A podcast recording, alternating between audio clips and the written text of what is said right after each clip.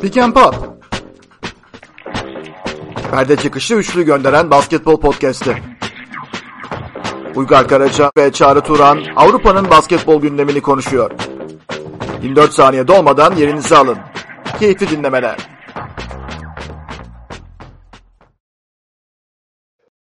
Pick and Pop'a hoş geldiniz. Yeni bir hafta ile karşınızdayız. Ben Uygar Karaca. Çağrı Turan'la birlikte bu hafta yine Euroleague'de neler olduğunu konuşacağız. Çağrı, bu inanır mısın diyeceğim. Ee, bir buçuk saatte her trafiğini aşarak e, kanala ulaşmak olmam benim için bir mucizedir e, küçük çaplı. İstanbul trafiğinde her yerden, herhangi bir yerden yani 500 metre ötesiyle bazen bir buçuk saat boyunca olabilir o yüzden. Taksi, yani şükretmek lazım. E, taksicilik alternatif e, yollar haritası böyle insanın kafasında bir anda e, açılıyor ya. Böyle John Mnemonic vardı. E, bir gözlük takıp kafasında e, şey saklıyordu. E, bilgi saklıyordu falan. Böyle distopik bir film. Çok eski bir filmdir Keanu Reeves'in. Sandra Bullock'la beraber çok eski bir filmdir. Onun gibi böyle kafada alternatif yollar haritası açılıyor. Tabii e, navigasyon kullanabilirsiniz diyeceksiniz ama navigasyon da bazen öyle en e, masterclass yolları göstermiyor. Onu da söylemek lazım. Neyse e, bu arada Arctic Monkeys aldı mı bilet? Yok almadım. E, geliyorlarmış işte Ağustos'ta. Ben en son onlara şeyde gitmiştim yani en son dediğim bir tek zaten orada gittim. Rock'n Coke'da gitmiştim. Ama o günü şeyden hatırlıyorum. E, bizim olimpiyat adaylığı vardı biliyorsun Tokyo ile beraber. O açıklanmıştı. E, tam konserden belki birkaç dakika önce. Onu hatırlıyorum ama şu kurlarla birlikte bilet fiyatlarına bakmadım. Bakamadım daha doğrusu. Zor olacaktır diye tahmin ediyorum. Ee, yani biraz gözden çıkarabileceğim maalesef bir konser. Ya Frans Ferdinand gelseydi ama kesin giderdim ya onu söyleyebilirim. E onlar yeni geldi zaten. Ee, bir daha gelecek diye bir haber çıktı. Bir şey oldu. Mart'ta. Yok yani şu anda Türkiye herhangi birinin gelmesi mucize yani her açıdan. O yüzden. Ee, yani evet. Sadece kurdan dolayı değil yani. Genel olarak ee, burası biraz kastı gelmeyin diyoruz.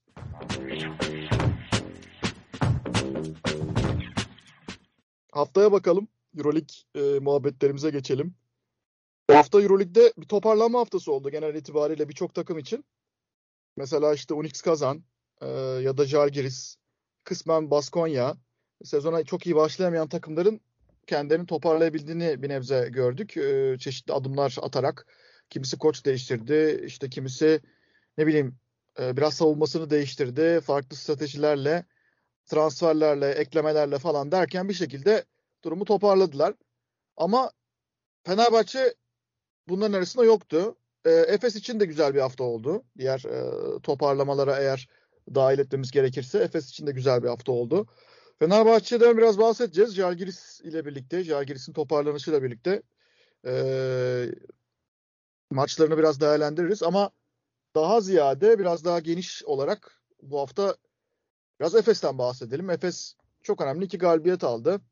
Ee, bence sezon artık belirleyebilecek bir noktada gelen iki galibiyetti. Olympiakos ve Monaco maçları. Ee, sezonu belirlemek için erken tabii. Bu noktalarda böyle laflar etmek biraz iddialı. Ancak bu maçlardan eğer e, bir tanesini veya iki tanesini kaybetseydi Efes gerçekten e, bazı kararlar e, alma yolunda Bence onlar için bir işaret olacaktı bu. E, koç değişikliği babında söylemiyorum ama bazı oyuncular ya da olası eklemeler, e, kadroyu bir gözden geçirme işi biraz daha e, hızlanacaktı. Olympiakos maçıyla başlayalım istersen. Olympiakos e, iyi savunma yapan bir takım. Ama gerçekten Efes Olympiakos'un o ritme girmesini maçın geniş planda baktığımızda büyük oranda engellemeyi başardı. Senin olumlu veya olumsuz bulduğun şeyler neler Efes'in Olympiakos galibiyetinde?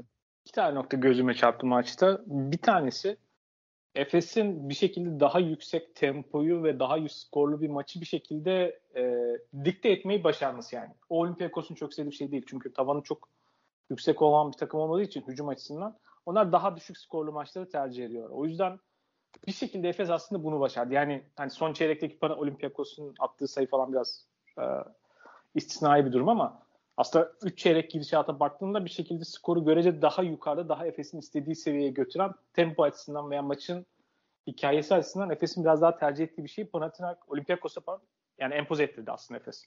Şimdi bu önemli bir artı ki Olympiakos gibi bence yani şu ana kadar Euroleague'in en azından en istikrarlı, mental olarak dirayetli takımına karşı belki. Yani bunu başardı ve Efes'in sezonun başarısına kadar oldukça kırılgan bir gör- görüntü gösterdiğini düşünürsek bu oldukça kayda değer.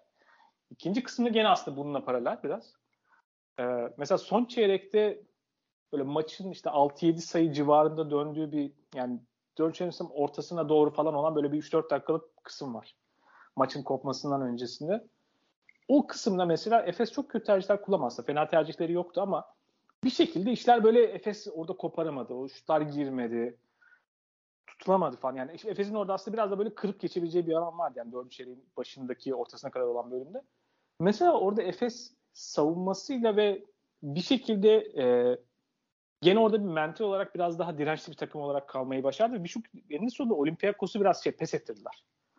Yani mesela bunu beklemiyordum. Yani kırılganlığın ötesinde bir de o şekilde mental olarak biraz daha güçlü kalan bir takım olması bence o kıymetli bir şey.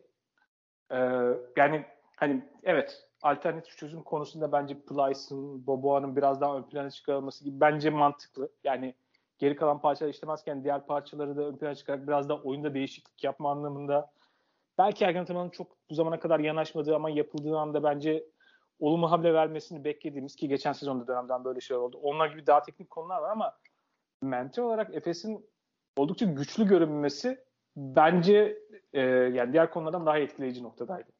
Şimdi senin de bahsettiğin gibi iki tane önemli e, isim vardı bu hafta öne çıkan. Biri Rodrik Boboa, biri de e, Tibor Plyce. Rodrik Boboa özellikle zaten Olympiakos maçında e, mükemmeldi. Zaten Euroleague e, kariyer en iyisi yaptı 29 sayı. Onda 7 üçlük ki bunların birçoğu da öyle e, son çeyrekte maçın koptuğu artık çöp zamanda garbage time'da gelmedi. Maçın ilk bölümünde e, bunları kaydettiğini gördük. E, ya zaten özgüveni pekiştiğinde Rodrik Boboa sayı garantili bir oyuncu diyebileceğim bir oyuncu modeli. Yani e, çok pür bir skorer. Aslında bugüne kadar hani Shane Larkin, Vasile Misic e, ya da işte Simon oradayken o çok fazla belki e, rol almayabiliyordu. Ama Boboa'nın ben mesela Çağrı e, Boboa'nın şu özelliği çok hoşuma gitti. Normalde sezon başından bu yana biraz e, işte perde çıkışlarında rakip kovalama veya ikili oyunda e, biraz sert savunma yani switch'i biraz agresif yapıp e, perdenin üzerinden savunma rakibini şut şansı bırakmama gibi işlerde Boboa biraz zayıf kalıyordu. Hatta bunu hep söylemişimdir. Yani Mitsic ile Boboa beraber oynadığı zaman ikili oyunda bir anda hedef haline geliyorsunuz. E, switch yapmadığınızda ki Efes bu sene geçti switch şemasına. Bunları yapmadığınızda zorlanıyorsunuz. E, ama Boboa bu anlamda Tyler Dorsey durdurdu maçın başında. Benim en çok e, beğendiğim olay e, nokta oydu. Tyler Dorsey önemli bir skorer ve önemli bir savunmacı aynı zamanda. Ve Olympiakos'un da takım liderleri arasında. E, senin de söylediğin gibi zaten tavanı belli bir e, hücum ekibi olarak Tyler Dorsey'nin e, kendi başına yapacağı işlere e, bireysel katkısına çok ihtiyacı var Olympiakos'un. Onu durdurdu. Tyler Dorsey devreden çıktı. İlk dört topunun üçü top kaybıydı galiba. Yani bir tanesi blok oldu zaten. Bir tanesi direkt top kaybı olup smaçladı Boba. Diğerinde de e, blok için havaya kalktı. Tyler Dorsey steps yaptı falan şeklinde. Bunlar bayağı etkileyici şeylerdi maçın genelinde. Ama Olympiakos'un da iyi bir gününde olmadığını ben düşünüyorum. Ee, sadece Tyler Dorsey de değil. Diğer silahlar mesela Laranzakis normalde çok iyi bir X faktör. Ee, kimsenin hesaba katmayıp e, girip maçları çeviren savunma katkısı ve topsuz oyun katkısı ceza üçlükleriyle 2-3 farklı alandan katkı verebilen bir e, Laranzakis neredeyse hiç yoktu. Zaten e, tartıştı Bartzokas'la ikinci çeyreğin ortasında. Bir pozisyonda Bartzokas tam önünde e, tempoyu yavaşlat dedi Laranzakis'e. Laranzakis hiç oralı olmadı. Kendisi hiç huyu değildir ama e, geldi topu kullandı ve top kaybı yaptı. Ondan sonra basket oldu. Sonra Laranzakis kenara aldı. Barsokas bayağı sinirliydi. Ben de yani salonda olunca böyle ayrıntılara da odaklanabiliyorsun. İşin güzel taraflarından biri o. Ee, bir daha da yani Laranzakis uzak bir yere oturdu bench'te. Bir daha da çok son çeyrekte alakasız bir yerde girdi oyuna. Böyle bir maçtı. Ee, Olympiakos maçı. Tibor Plyce'a ne diyorsun? Yani Tibor Plyce e, değeri az bilinen bir oyuncu bence Efes'te ve Sertaç gidince nihayet Tibor Plyce'ın ne kadar e, değerli olduğu bir daha anlaşılmış oldu. E, yani bu fiziksel durumuyla sezonu son kısmına kadar e, yoğun bir şekilde götürebilecek mi? Yani yardım gerekiyor ona. Ve o yardım da şu anda gelmiyor. Dunstan'dan, e, Petrushev'den veya Singleton'dan tam olarak da yardım alamıyor. Ancak bu e, Plyce rolü, yani geçen seneki Sertaç rolünde bir Plyce. Bence Efes için şu anda belki de en değerli şey. Sen ne diyorsun? Doğru. Yani Efes'in uzunlardan, uzunlardan katkı alması konusundaki sıkıntı anlamında o yüzden oraya gelen her türlü katkı çok işleri değiştirebiliyor onlara da. Ama sadece savunma anlamında değil yani hücumda da mesela biraz daha farklı hareket eden, tehdit olabilen bir oyuncu olması da fark yaratıyor. Yani işte Petrusev'e bakıyorsun biraz daha ağır kalıyor.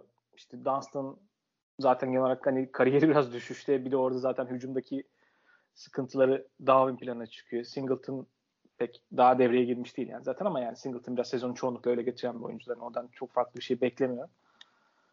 O yüzden bence biraz hücumda da aslında işleri değiştiriyor. Yani orada daha hareketli ve tehdit olabilen bir uzunun da bence bir orada bayağı resmi değiştiriyor. Mesela Moerman da daha verimli onunla birlikte.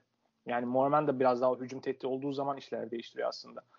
Ee, Timo çünkü bir yandan baktığın zaman sadece Larkin, Messi üzerine zaman yani çok hücum açısından çok aman aman oynamadılar bu sezona kadar şu ana kadar yani. Hala öyleler aslında. O yüzden de o sahadaki hücum tehdidi sayısının artması o bütün işte pas kanallarının alan paylaşımının açılması konusunda bence bir de öyle bir etkisi var. Savunmada biraz daha e, istikrarlı ve tabanı belli bir oyuncusun olmanın ötesinde. İşte bahsedin gene sürekli o kadar oyuncuya düzeni var ki Efes'in. E, bazı oyuncular verim alamadıkları zamanlarda bu tip aslında biraz daha dengeleyici, istikrarlı oyuncuları daha fazla bir şekilde devreye sokmalarının böyle bir artısı var. Yani biraz onun sembolü sembolü olan bir hafta oldu aslında yani. Evet. Ee, şimdi mesela Tibor Plyce'ın özellikle Monaco maçı daha fazla ön plana çıktı. 12 sayı. Fakat bunların 10'unu ilk çeyrekte attı Plyce. Ee, ve işte biz Plyce'ı nasıl skor üretirken görüyoruz. Ee, çoğunlukla pick and pop'ta e, biraz üçlük çizgisinin dışına çıkmıyor ama e, uzun ikilik diye tabir ettiğimiz artık e, çizgiye basarak neredeyse e, ya da biraz çizginin içinden gönderdiği şutlarla e, etkinlik yaratıyor ve alanı öyle açıyordu ama Monaco maçının ilk bölümünde o rolünü de üzerine çıkarak biraz daha potaya doğru devrilen ve çembere yakın e, bitirebildiği şutlarla e, farklı yönlerden Monaco'nun savunma düzeni oturtmasını engelleyen bir oyuncu oldu. Zaten Plyce atmaya başladıktan sonra ki bunların 3 e, tanesi veya 4 tanesi galiba asistli basketlerdi. Efes'te diğer oyuncular da e, pozisyon üretmeye başladı. Yani onun açtığı alanlardan Elijah Bryant e, mesela basket buldu. E, Boboa zaten buldu. Larkin katkı yaptı. E, tüm bunların içerisinde hani olumsuz düşünebileceğimiz noktalardan biri Elijah Bryant'ın durumu.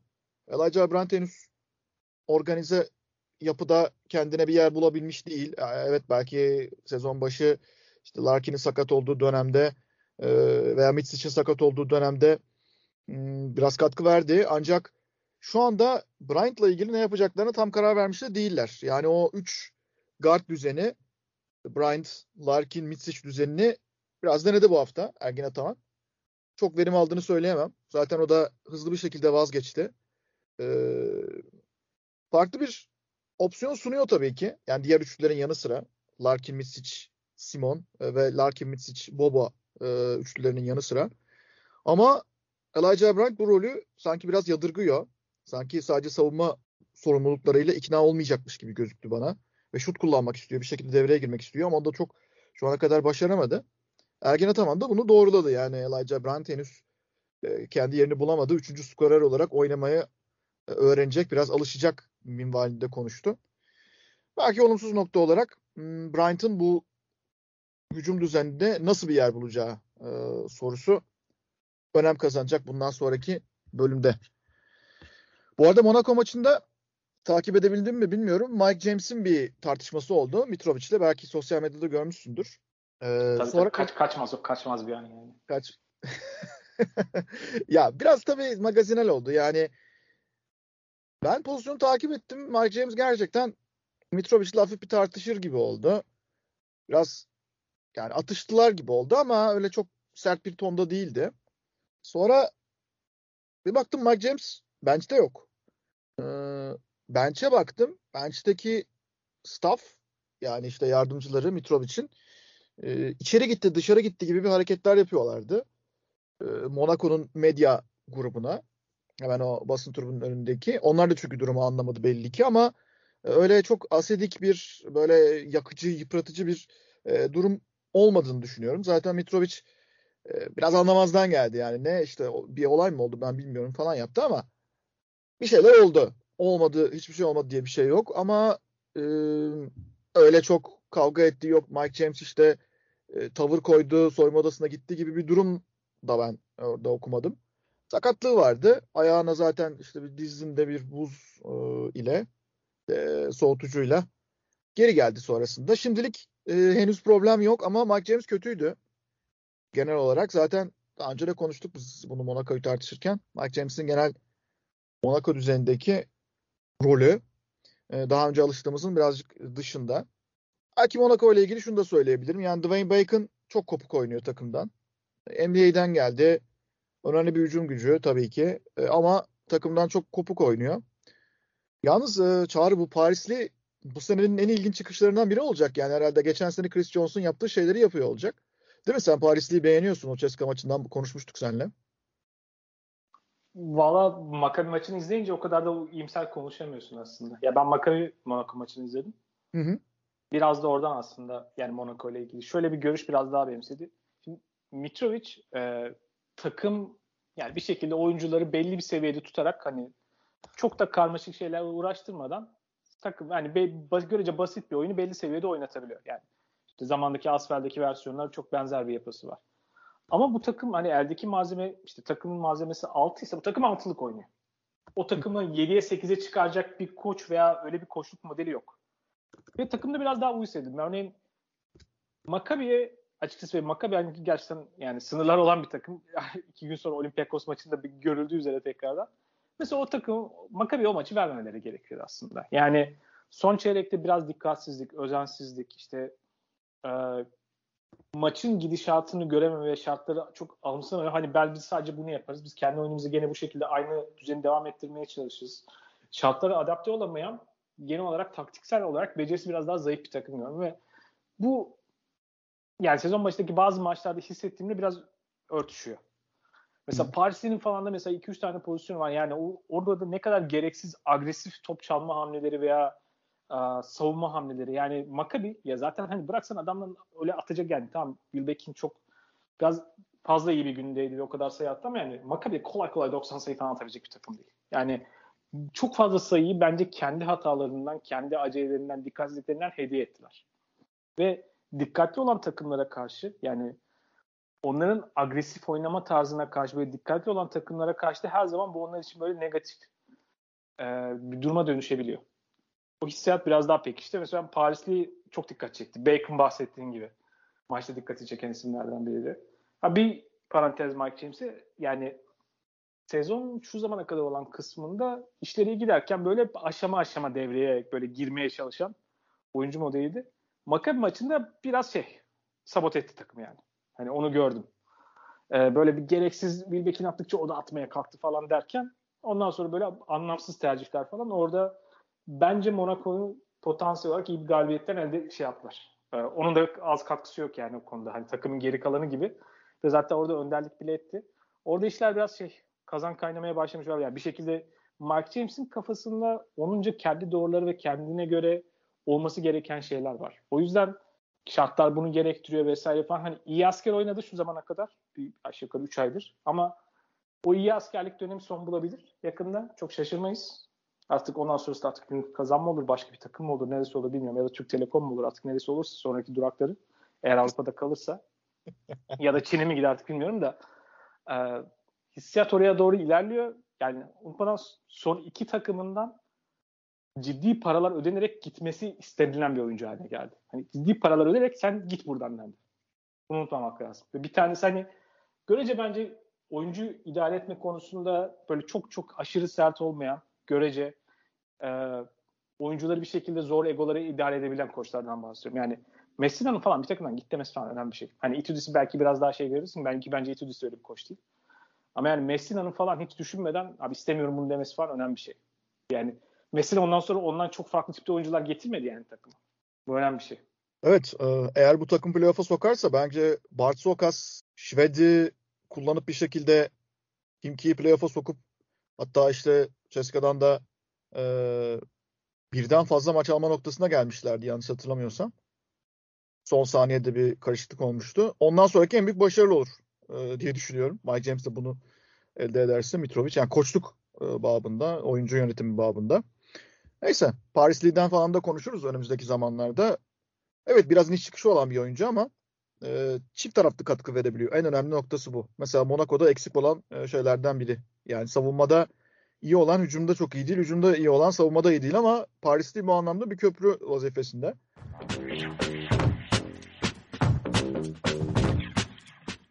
Peki devam edelim. Ee, şimdi tabii hafta içerisinde toparlanan takımlar var demiştik ama bunlardan biri Fenerbahçe değil maalesef. Fenerbahçe Beko kaybetmeye devam ediyor. Bizim kafamızda düşündüğümüz senaryonun yani birçok insanın düşündüğü senaryonun e, şu anda gerçekleştiğini görüyoruz. Takım 5. E, hafta Real Madrid maçından sonra bir tane maç al- alabildi. E, 6 yenilgi Real Madrid maçıyla birlikte.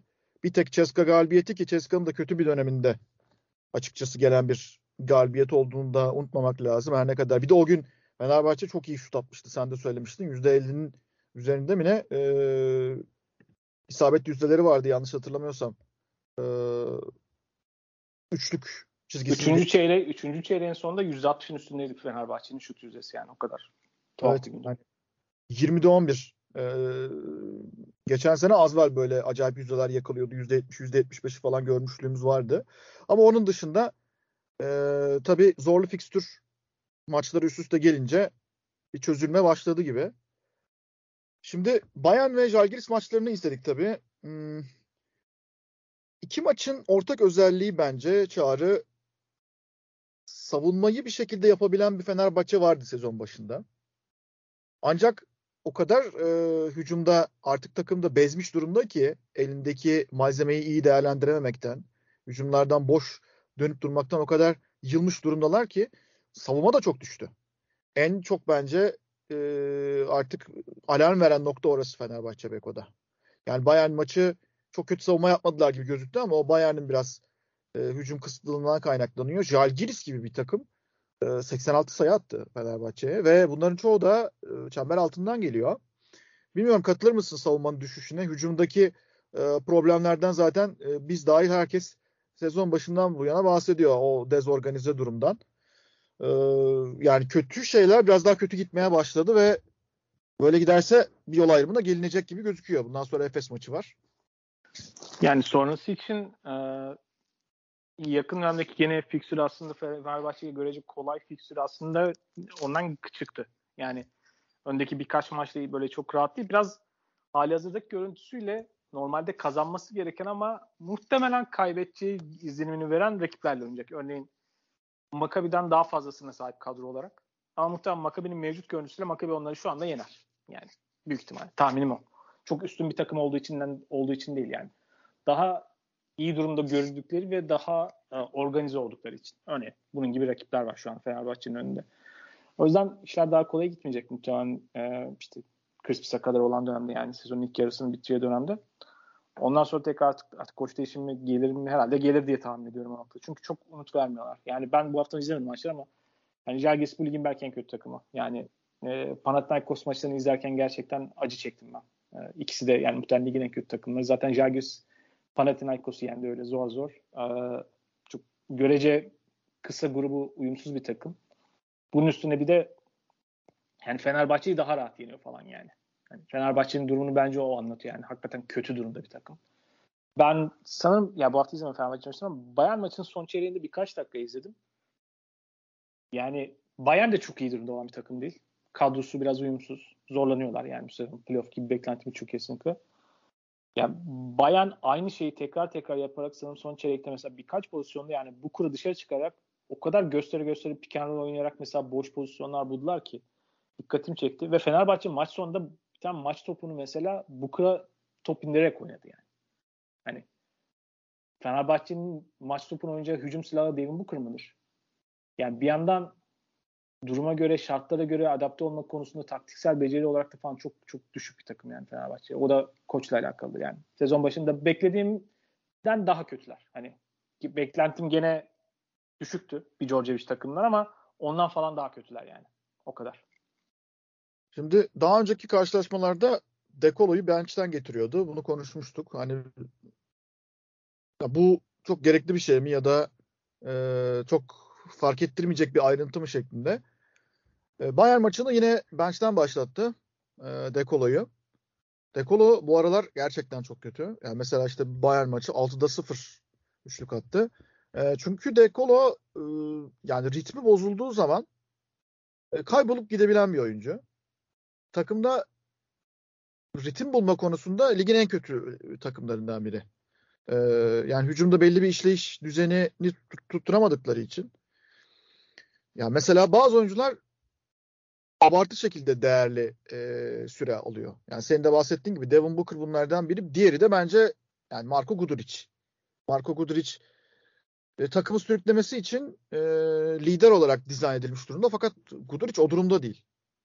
Yani o dizayna uygun e, bence kafa yapısında da değil fiziksel olarak da çok zorlanıyor. Bayern maçı 16 sayı attı. Biraz işte takımın en skoreri iyi gözüktü falan.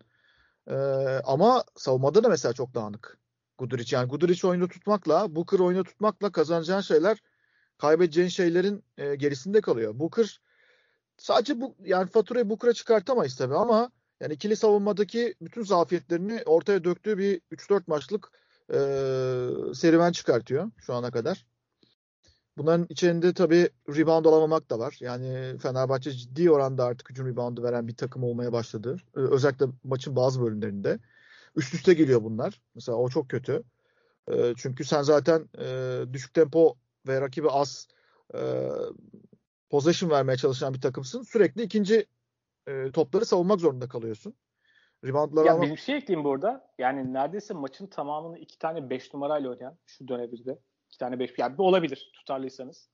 Beş numarayla oynayıp e, reboundlarda ortalamanın altında bir takım olmak nasıl belirlidir? Yani neyse kapatayım burada parantezi. Olmayan e, oyuncularla oynuyorsan becerilir abi. yani çünkü ya takımın genel olarak taktiksel farkındalığı, becerisi çok zayıf. Ve onlar genelde koçun yansımasıdır yani. Ben çok basit indirgersem böyle görüyorum hakikaten Fenerbahçe'nin sezon başındaki beri halini. Mesela pick and roll oynuyorlar. Sadece o e, pick and roll'deki savunmacı ve uzunu yani savunmada duran e, iki ismi sadece işin içinde düşünmüyorum ben pick and roll savunurken. Çünkü arkadaki rotasyonu da iyi yapmak zorundasınız. O kaymaları iyi okuyup iyi yapmak zorundasınız. E, Fenerbahçe şu anda herhalde ligin yani bu hafta itibariyle pick and roll'leri en kötü savunan takımları arasında gördüm ben. E, komple bakarsak. Çünkü sadece orada yani ikili oyunu oynayan uzun ve guard'ın dışında kenara bir pas gittiği zaman forvete bir pas gittiği zaman e, kesinlikle buna kim çıkacak veya işte bunu kim savunacak e, o rotasyon kaymasında doğru kişiyi bulmak imkansız gibi bir şey ve bunu çok iyi yapabilecek bir oyuncuları var. Aslında İsmet Akpınar mesela.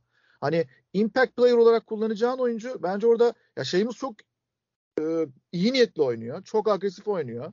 Savunma baskısı yapıyor. Bir dinamizm kazandırıyor girdiği zaman ama çok kolay top kaybı yapabilecek bir oyuncu. Çok rahat top kayıtları yapıyor. Yani bu top kayıtları nedir? Perdeden çıkıp kenarda çizgiye basmak veya steps veya işte elden handling hataları.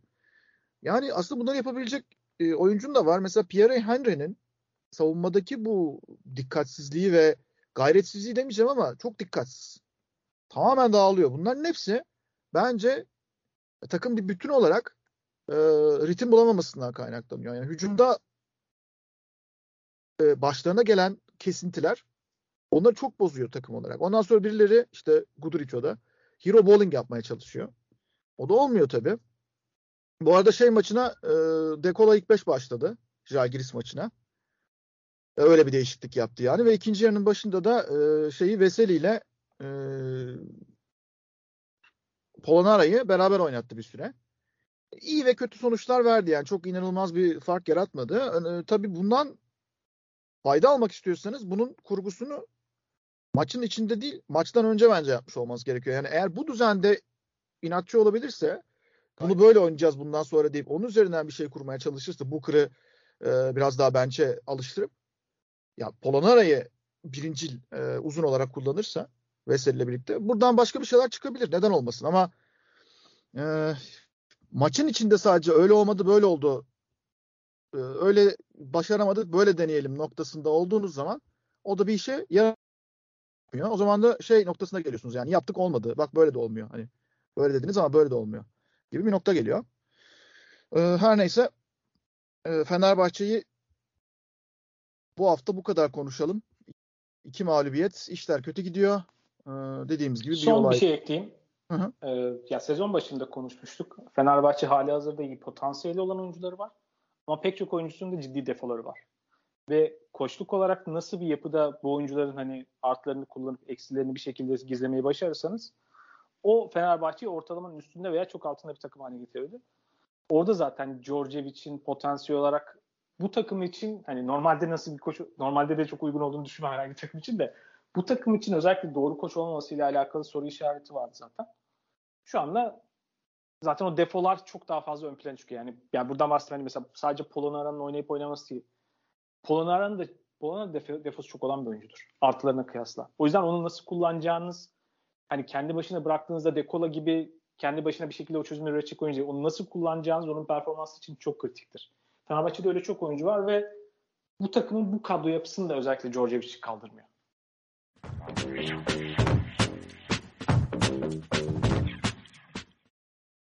Evet madem Jalgiris'ten açıldı konu e, koç değişikliğinden sonra bir takım kıpırdanmalar iki tane de ekleme yaptılar. E, işte Ty Webster ve e, neydi bizim Sloven Dragic. Joran Dragic. Goran Dragic e, takıma katıldı.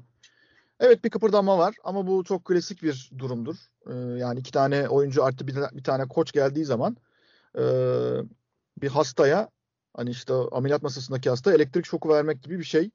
E, uzun vadeli etkisi olur mu? E, göreceğiz. Bir hareketlenme oldu ama yani ben hoşuma giden şey en azından bunların bir heyecan e, katması, heyecan e, pompalaması oldu. Çünkü Jalgiris camiası biliyorsun takım ne bileyim 15-20 sayı e, fark yediği maçlardan sonra bile işte bir tane videoları vardı. E, taraftarlar takım otobüsünün önünde kaybedilen maçtan sonra e, ligde de galiba işler çok iyi gitmiyor. E, destek olmaya geliyorlar.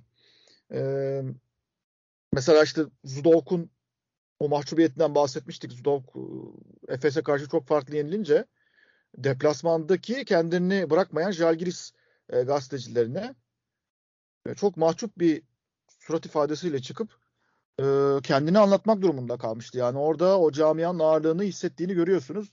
Ve o camianın o ağırlığı aynı zamanda da işte içerideki maçlarda böyle çıkma çaptalarında bir momentum yakaladığınız zaman e, size ekstra galibiyetler olarak geri dönebiliyor. Panathinaikos'la Fenerbahçe Beko'yu yendiler bu hafta. E, sen Panathinaikos maçında izledin çok fazla beğenmedin galiba. Yine de galibiyete rağmen. Panathinaikos maçında iki tane şey var dikkat edecek. bir tanesi kadrodaki aslında guard grubunun çok birbirine benzer ve işte savunmada defol oyuncular. Bir yandan işte Kalniyetis e, vesaire diğer yani bütün profil öyle aslında yani Lekavic vesaire falan hem tüm profil öyle. Böyle çok bir şekilde takım biraz daha dengeli oturaklı guardlara ihtiyaçları var. Hani onlar yok orada. O yüzden hemen hep birbirine benzeyen guard oyuncuları Biliz Dawson biraz daha hani daha e, düşük tempoda daha doğru karar veren, daha sakin oynamak isteyen takımla ters kalıyor. Yani uyumsuzluk bir şekilde kendini ortaya çıkarıyor. Onun da etkisi var ama Panathinaikos maçında dikkatimi çeken yani o hiç maç kazanamamanın baskısı o kadar net ki yani böyle seyircide de gerilim var, oyuncularda da gerilim var. Ama Panathinaikos da tabii kötü bir takım olduğu için bir noktada hani onun üzerinden e, üstesinden gelmeyi başardılar. Arkasından da Fenerbahçe herhalde bu zamanda içeride üst üste daha iyi iki tane takım isteyemezdiniz. Yani biraz görüntü. Onun dışında e, yani o kısaların durumu çok sıkıntılı. Onun dışında da hani kadro biraz birbiriyle çok uyumsuz duruyor. Yani sadece oyuncuların yeteneklerinin ötesinde e, geçen sezon bir şekilde takımı geri kalan her şeyi üzerine kurabildikleri Nigel Hayes ve Grigonis'in arkasına hemen her şeyi ekleyebiliyorlardı. Keza Thomas Volkap da orada kıymetli bir parça. Şimdi üç tane merkezdeki parçalı gittikten sonra böyle birbiriyle uyumsuz bir kadroyu kaldırmıyor yani. Hani savunma takımı olmak istiyorsun ama yani kısaların kötü savunmacı genellikle. Hani onların üzerine onu kurmak çok zor ve bu koç bu takıma uygun bir takım koç değil yani. Yani ligin gerçekten kötü takımlarına hani Panathinaikos'la birlikte yani izlerken gerçekten acı çektim ben. Panathinaikos büyük bir hayal kırıklığı zaten onu ayrıyetten başka bir bölümde tartışırız belki ama e, benim hoşuma giden nokta şu oldu. İki maçta da yani kazandıkları e, Fenerbahçe ve e, Panathinaikos maçında Zdolk'un bir hamlesi var. Yani Zdovk bir şeyler yapmaya çalışıyor. O da nedir? Tamam eski usul olarak değerlendirebiliriz. Yani Yugoslavya kökenli koçların çoğunlukla başvurduğu. Birazdan Spallia'da konuşacağız zaten. Ee, şöyle bir şey yaptılar. Bir hibrit savunma modeli e, başladı. O da nedir? Rakip topu ilk getirdiği anda e, adam adama başlıyorlar. Yani birebir savunmayla başlıyorlar. Birinci veya ikinci aksiyondan sonra ki top genelde kenara indikten sonra başlıyor bu. Benim gözlemlediğime göre. Alan savunması tarzı bir savunmaya geçiyorlar. Yani içeri gömülmeli ve artık birebir oyuncu takibinden ziyade alanı kapatmaya e, odaklanmış bir savunma modelleri var. Bunu Panathinaikos maçında da gördüm. Fenerbahçe e, maçında da gördüm. E, hatta Fenerbahçe maçında görünce daha sonradan Panathinaikos maçını bir daha e, izledim. Yani Fenerbahçe'ye özel bir şey mi yaptılar diye. Hayır. E, böyle bir modeli şu anda getirmiş durumda. E, en azından kötü giden takımlarda sadece oyuncu sen gir sen çık e, yerine e, böyle savunmada düzenlemeler yapmış olmaları, başka bir şeyleri deniyor olmaları e, bence güzel bir şey. En azından o, bu sene çok az gördük zaten e, zon savunma, alan savunması Euroleague'de.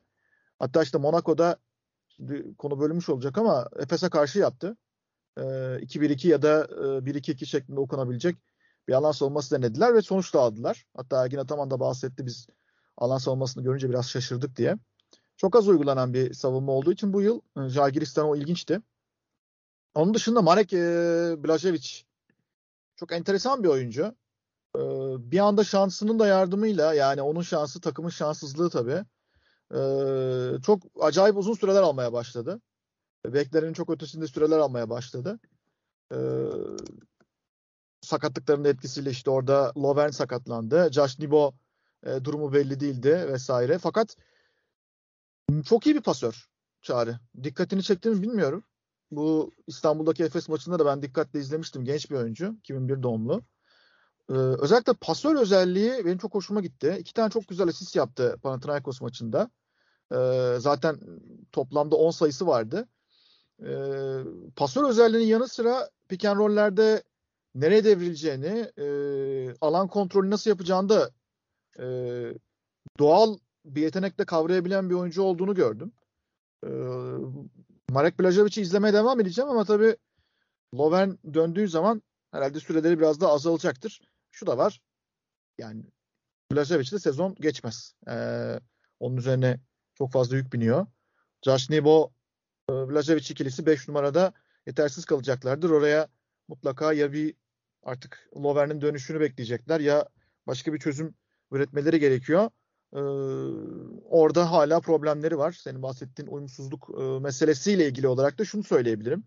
Evet sezon başında çok fark ediliyordu o uyumsuzluk. Hatta takımın ana skor gücünün Milaknis'in perde çıkışı üçlüklerine kalmış olması gibi bir durum vardı. Yani absürt bir durum. Ee, tabii ki işte sezon başı e, Moody'ye hamlesi, Moody'ye hamlesini tutmaması, onun takımdan ayrılmasıyla Şiler'in de gidişiyle zaten beraber bir anda boşa çıkan bir bu takımda kim skor üretecek sorusu ve işte kim kalmıştı orada? Lekavicius'un e, floaterları e, ek bir malzeme olarak iyi iş görür ama ana malzeme olamaz ve e, şutları kalmıştı Milaknis'in. Yani Kalniyetis öyle inanılmaz skor üreten bir oyuncu değil. Ama iki maçtır daha bir takım eforu aldılar. Ulanovas mesela. İronik bir şekilde Fenerbahçe'de neredeyse hiçbir şey yapamayan Ulanovas çok iyi bir maç çıkardı. E, Panathinaikos maçında da 11 sayısı vardı. Bir tane daha üçlüğü vardı yine. E, Tyler Cavano açıldı. Zoran Dragic bence çok hafife alınan bir e, şey oyuncusu. E, topsuz oyunu var. Benim yani. çok beğendiğim bir oyuncudur. Değil Benim mi? Çok çok beğendiğim Niye bir oyuncudur. Bu zamana kadar hiç anlamadım zaten.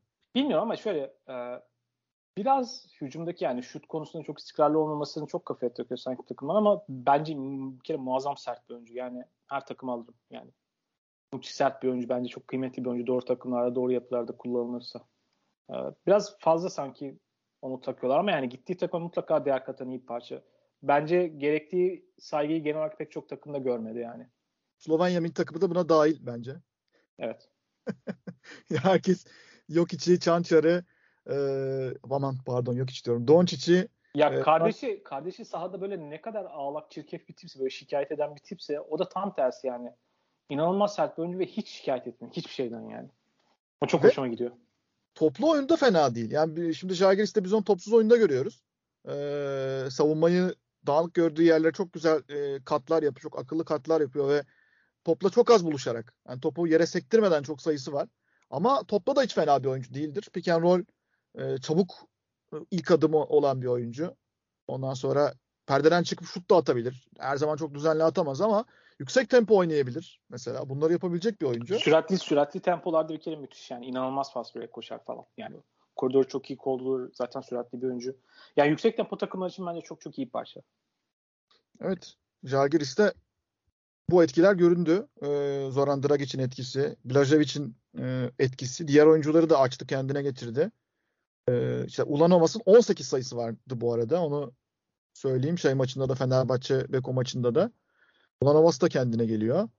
Ty Webster e, sıkıştığınızda e, biraz pick and roll oynatabilecek, biraz top kullanma kapasitesini e, takımın en azından stabil bir noktada bir çizgide tutabilecek bir oyuncu.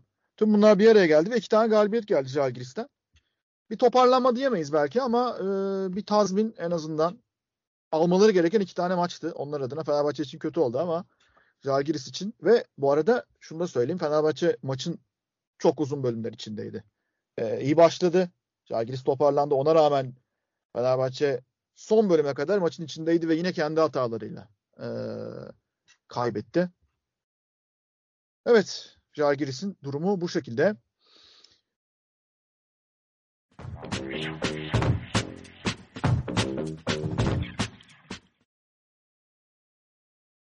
Peki toparlanmaları bir e, takımla daha sonlandıralım. Baskonya. Baskonya bu podcast'in ve aynı zamanda da Eurolig'in en e, garip takımlarından biri olmaya devam ediyor. Biz geçen hafta e, konuşuyorduk işte Ivanovic giderse kim gelir? Perasovic e, boşta olsaydı kesin gelirdi falan diye şakalaşıyorduk aramızda. E, ondan sonra işte bazı İspanyol koçlar vardı onları andık falan. Boşuna konuşuyoruz yani gelen isim tabii ki senin de tahmin ettiğin gibi bence.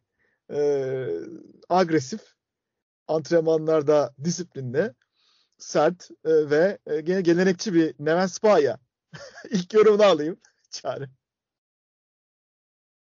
Neven Spaya eski Baskonya kaçı. Asıl gelme sebebi o. Yani o bir kere bir şekilde dönemsel olarak böyle iyi anlaştığı koçlar varsa onların etrafında dönmeyi seviyor.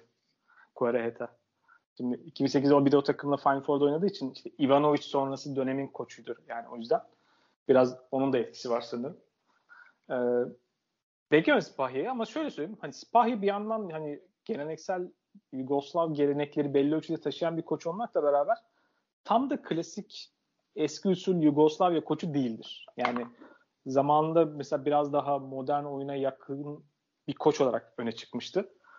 Daha sonrasında tabii yani bazen zaman zaman iyi gözüktü. İyi sezonlar oldu yani. işte Maccabi'de iyi bir sezon oldu. Bas e, Baskonya'da iyi bir sezon oldu. Fenerbahçe'de ilk başlarda iyiydi. Sonrasında çok güzel bitmedi. Bunun gibi zamanları oldu. O yüzden bir yandan hani Baskonya'nın kendi geleneklerine uygun bazı yapılar sürürken biraz daha farklı bir işte iletişim ve tarzı olan bir koç olarak anlaşılabilir yani kısa vadede bir tercih. Örneğin muhtemelen oyuncularıyla bağının biraz zor, kötü olduğu belli oluyordu yani Ivanovic'in. Hani çok sıkıntılı bir durumda böyle oyuncularla ilişkilerle vesaire falan onu çözebilen bir koç değil. İşler kötü gittiğinde. Oraya çok müdahale edebilen bir koç değil. Özellikle Wade Baldwin gibi karakterleri yönetmeye de çok uygun bir isim de, değil. Eğer işler çok tıkırında gitmiyorsa.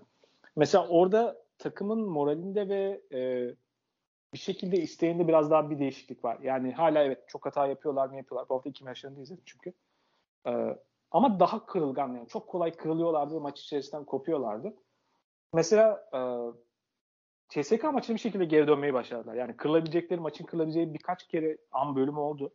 Farklı bir şekilde aslında CSK'nın böyle bir 20'lere götürebileceği çok an oldu. Hep bir şekilde işin içinde kalmaya başardılar. E, bence önemli bir şekilde takımın biraz şey fazla Türk basın klişesi olacak ama yani moral motivasyon desteği gibi bir şey olmuş yani. O değişiklik bir şekilde duygusal anlamda net hissediliyor. Bu kısmı var. Öte yandan mesela Kızıldız maçında şu dikkatimi çekti. Ya bu takım çok tempo isteyen ve tempolu oynaması gereken bir takım. Ee, maçın ilk yarısında özellikle ikinci çeyrekte mesela Kızıldız gibi iyi savunma takımını yani tempoyla paramparça ettiler. Ee, Ve ilk yarıdaki sınırım işte kullanılan pozisyon sayısı sanırım 40'ın üstündeydi ki sezon ortalaması 65 civarında falan olan bir takımdı Baskonya. Hani ikinci yarı tabii o kadar yüksek tempo devam etmediler. Ona ihtiyaç da olmadı ama bir yandan hani normalde aslında temponun daha yukarısında bir tempoyu zorlayarak takımdaki böyle pas kanallarının, şutörlerin alan bulmasının hepsinin biraz daha açılmaya başladığını görebiliyorsunuz. Bu açıdan da aslında tempoyu getirme konusunda ve biraz daha takıma alan açma, hücum biraz daha çeşitlendirme konusunda muhtemelen Sipahi bir, bir şeyleri değiştirecek. Ama temelde hani ana sıkıntı olarak ne dersem hani bir tanesi sezon başında aslında düşündüğümüz konu Jason Granger'ın yanına biraz daha tempoyu force edecek ve takımdaki işte takım takımın en önemli kuvvetli tarafı yani kanat oyuncularına e, şutörler konusunda yani çok farklı skorerlere sahip olması. Sadece işte Baldwin Fontecchio'da örneğin Marinkovic gibi de kıymetli bir şutör var orada. Bu oyuncuları daha verimli kullanmak adına tempoyu yukarı çıkıyor. Ama tempoyu bir şekilde orada force edecek bir tane daha garda ihtiyaçları var. Şimdi Lamar Peterson oyuncu mu emin değilim. Çok izlemedim çünkü bu zamana kadar. Onu göreceğiz. Bir tarafı o. Yani tempoyu bir şekilde zorladıkları zaman kesinlikle daha rahat pozisyon buluyorlar. Daha rahat oynuyorlar. Öte yandan savunma konusunda e, yani bir yerde yani üçüncü pastan sonra falan bir şekilde pozisyonun kaybolduğu, herkesin yerini kaybettiği ve bomboş birinin şutta boşa kaldı veya pot altlı birinin bomboş smaç yaptığı pozisyonlarını görmesi hala çok olası. Yani o konuda biraz ciddi zamana ihtiyaçları var. En azından savunmadaki bazı kuralların, bazı prensiplerin oturtulması için. O onları muhtemelen zorlayacaktır biraz. Yani hücum tarafından daha çok bence o onları zorlayacak. Gene hücum tarafında onların tepeye çıkaracak konu şu. Ee, abi pardon tamam. son 15 saniye tekrar edebilir misin? Çünkü internet gitti burada.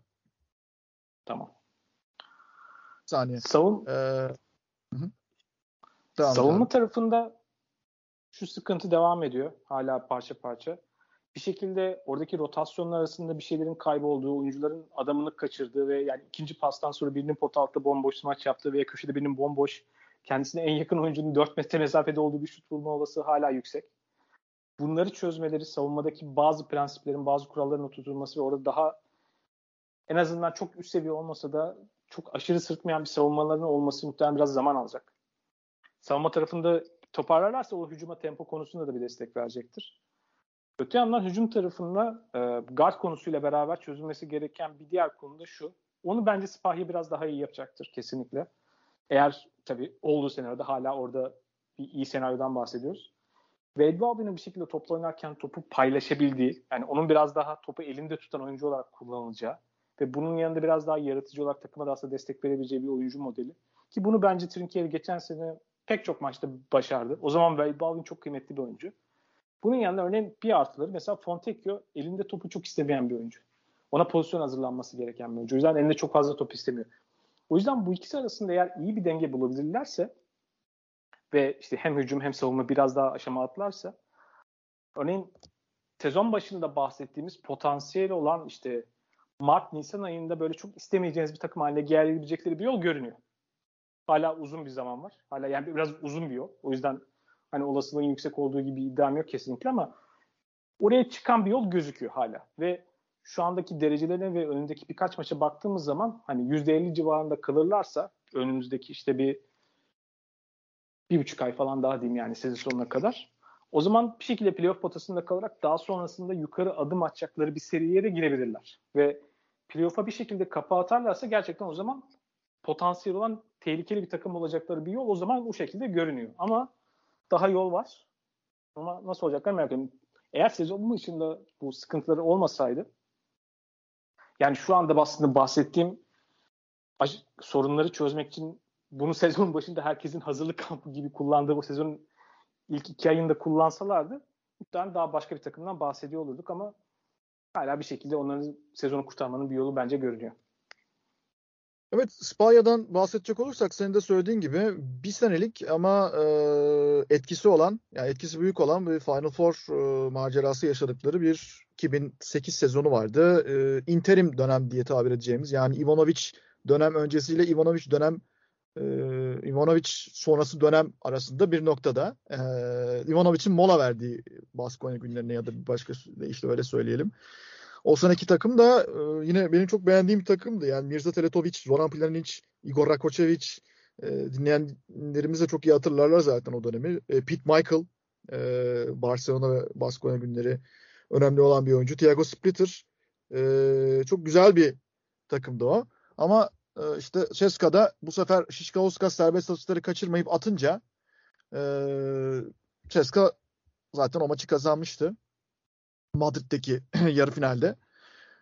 Mesela bir tane daha önemli Spanya takımı e, saymak istesem Valencia. 2010'da Euro Cup'ı kazanan Valencia. E, gerçekten çok sert bir takımdı. Alba Berlin'i yenmişlerdi ki Luka Pavicevic'in Alba Berlin'i çok sürpriz bir şekilde o finale gelmişti ki gerçekten takım oyuncuları e, isimlerini saysam şimdi kimseyi çok ikna etmezdi. O dönemde etmiyordu zaten. Pure e, pick and roll ile pure orta mesafe oyunuyla tıpış tıpış finale kadar gelmişlerdi ya. Çok ilginç bir takımdı. En meşhur bilinen oyuncularından biri Emmanuel McElroy'du. McElroy e, çok önemli skorerdi zaten. Cemal Algan'ın yer aldığı takım. E, Lagado Sekuric de vardı hatta sonra Fener'e geldi. Çok oynamadı ama o Valencia takımında Victor Claver, ondan sonra Rafa Martinez, Nando, Nando De Colo, Matt Nielsen yani e, Matt Nielsen, Perovic, Victor Claver e, çok sert bir takımdı. Floran Pietrus e, çok çok iyi bir takımdı. Spalya senin söylediğin gibi biraz gezgin bir koç. Yani yaşı ilerlemiş olmasına karşın 59 yaşında şu anda ama Atlanta Hawks'ta 3 sene e, yardımcı koçluk yaptı. Sonra Maccabi dönemi var. Çok uzun sürmeyen. Sonra Memphis'te e, bir sene Guduric'le beraber e, bench'teydi. Yardımcı koçtu. Ondan sonra Çin'e gitti. Şimdi Vaskonya'da. Yani acaba Spahya'nın hangi versiyonunu burada görüyor olacağız? Yıllar yılı çok başka yerleri gezdi. Çok e, dolaştı. E, oyuncu bilgisi yüksektir. E, daha da yükselmiştir. E, farklı senaryoları olan e, yaklaşımları elbette güncellenmiştir diye düşünüyorum. O yüzden e, dediğin gibi biraz daha farklı yani o kadar da e, gelenekçi bir yaklaşım içerisinde olmayan bir karar. Oyun performanslarına bakacak olursak, maç performanslarına bakacak olursak Kızıldız maçı güzel bir galibiyet oldu onlar için ama Kızıldız zaten skor üretimi konusunda zorlanan bir takım. Ee, o yüzden o maçı tek başına alıp da evet harika gidiyorlar e, diyebileceğimiz bir şey söyleyemeyiz. Ceska maçı geri Bu arada şunu da ekleyeyim. Kızıldız maçı ile ilgili yani iki gün önce 48 saat önce Belgrad'da bayağı tansiyonlu bir derbi oynamıştı Kızıldız. Muhtemelen evet. hem fiziksel hem de mental yıpranması da vardı. O, o da etkili hissediliyordu. Ee, şimdi şöyle bir şey bir de evet söylediğin gibi Partizan Kızıldız e, yendi Kızıldız Partizan'ı. E, Partizan'da konuşamadık bu hafta ama belki sonraki haftalarda konuşuruz. Belki daha iyi gittikleri zaman konuşuruz. Çok fazla bir şey yok çünkü şu anda. E, Ceska maçı geri gelmeye çalıştılar ama yetmedi güçleri. Bu Ceska'yı yenebilirler miydi? Evet.